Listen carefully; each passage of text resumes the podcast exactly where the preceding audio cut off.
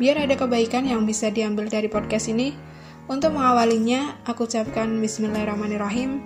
Assalamualaikum warahmatullahi wabarakatuh. Dan selamat datang di Rumpun Suara Podcast Resonansi yang kedua.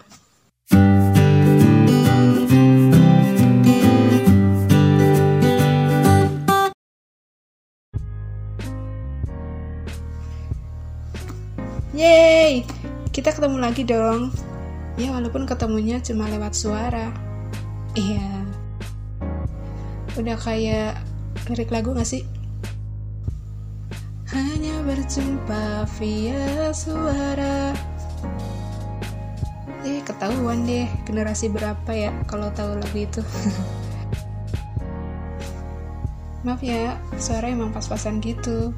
Mana sosokan mau nyanyi lagi. Jangan pada pergi dulu ya.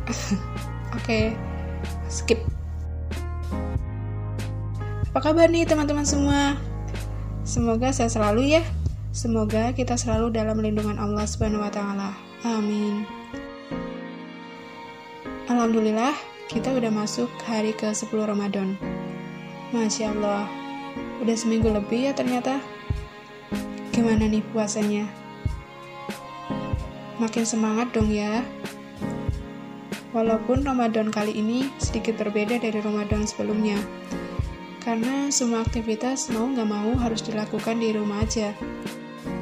Dan untuk anak-anak perantauan harus rela nggak mau di lebaran kali ini, karena memang peraturan pemerintah seperti itu kan. Tapi kalau dirasa-rasa sedih banget gak sih? Karena dulu aku pun pernah ngerasain jadi anak perantauan tapi nggak sampai nggak mudik sih pas lebaran. Dan dulu pun itu merantaunya dalam rangka magang kuliah. Jadi kantor tempat magang tuh masih masih toleransi untuk mudik lebaran gitu. Tapi bener deh menurutku efek merantau tuh banyak. Kita jadi nggak doyan makan terus badan jadi kurus semangat juga nggak menggebu-gebu gitu. Nah kok jadi cerita ini? Oke kembali ke topik. Kalau kita ngebahas tentang merantau atau memposisikan jadi anak perantauan hal berikutnya yang muncul di benak kita adalah apa? Yap, keluarga. Terutama orang tua. Segala hal yang berkaitan dengan orang tua pasti kita bakalan rindu. Mulai dari perbuatannya, kasih sayangnya, kebiasaannya, nasihat-nasihatnya. Berbicara tentang nasihat, ternyata dalam Islam juga memiliki nasihat yang sangat bisa dijadikan pedoman buat kita untuk menjalani kehidupan ini. Bahkan nasihat ini disebut dengan nasihat sepanjang masa. Nasihat ini disampaikan oleh malaikat terbaik kepada manusia terbaik. Nasihat terbaik disampaikan kepada manusia terbaik. Siapa itu? Nasihat ini dari malaikat terbaik yaitu malaikat Jibril kepada manusia terbaik yaitu Nabi Muhammad Sallallahu Alaihi Wasallam. Dalam hadis yang diriwayatkan oleh Sahal bin Sa'ad As-Sa'idi dikatakan, Rasulullah Sallallahu Alaihi Wasallam bersabda, Tani Jibril alaihi salam faqal. Jibril mendatangiku lalu berkata, Ya Muhammad, wahai Muhammad, Ishma syi'ta fa innaka mayyitun. Nasihat pertamanya yaitu, hiduplah sesukamu, tapi ketahuilah engkau akan mati. Seakan-akan malaikat Jibril ingin memberitahu kepada Nabi kita dan kepada kita semua bahwa kematian merupakan hal yang pasti dan tidak mungkin makhluk bernyawa dapat terhindar darinya. Jalan hidup merupakan suatu pilihan. Menjadi buruk atau baik itu pilihan. Menjadi pendosa atau bertakwa itu juga pilihan.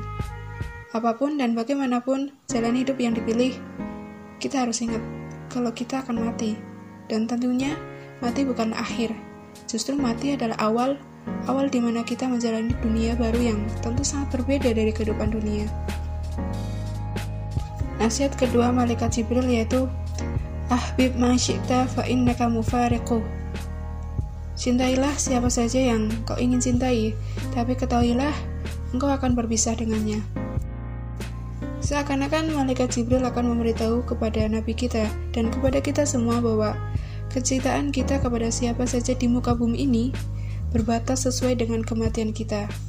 Dan satu-satunya cinta yang tidak akan terbatas oleh apa pun yaitu cinta kepada Allah dan Rasulnya. Nasihat yang ketiga yaitu i'mal ma syi'ta fa innaka. Dan beramallah sesuai kemauanmu, tapi ketahuilah semua amalanmu dihisap.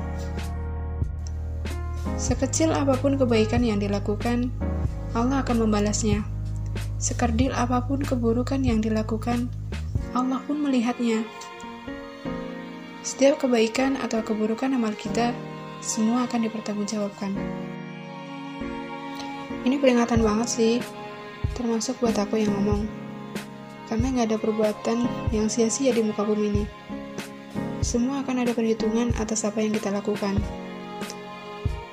Jadi, kudu lebih berhati-hati lagi dalam melakukan suatu perbuatan atau tindakan. Sekiranya perbuatan itu mendatangkan dosa, maka tinggalkan. Tapi kalau perbuatan itu mendatangkan pahala, ya kali nggak kuy. Oke teman-teman, untuk resonansi yang kedua aku cukupkan sampai sini. Semoga setelah kalian mendengarkan podcast ini ada kebaikan yang bisa diambil dan apabila ada kesalahan atau kekeliruan yang aku ucapkan, aku mohon maaf dan mohon koreksinya. Terima kasih udah mendengarkan sampai akhir. Assalamualaikum warahmatullahi wabarakatuh. Jangan lupa baca Quran ya. Bye bye.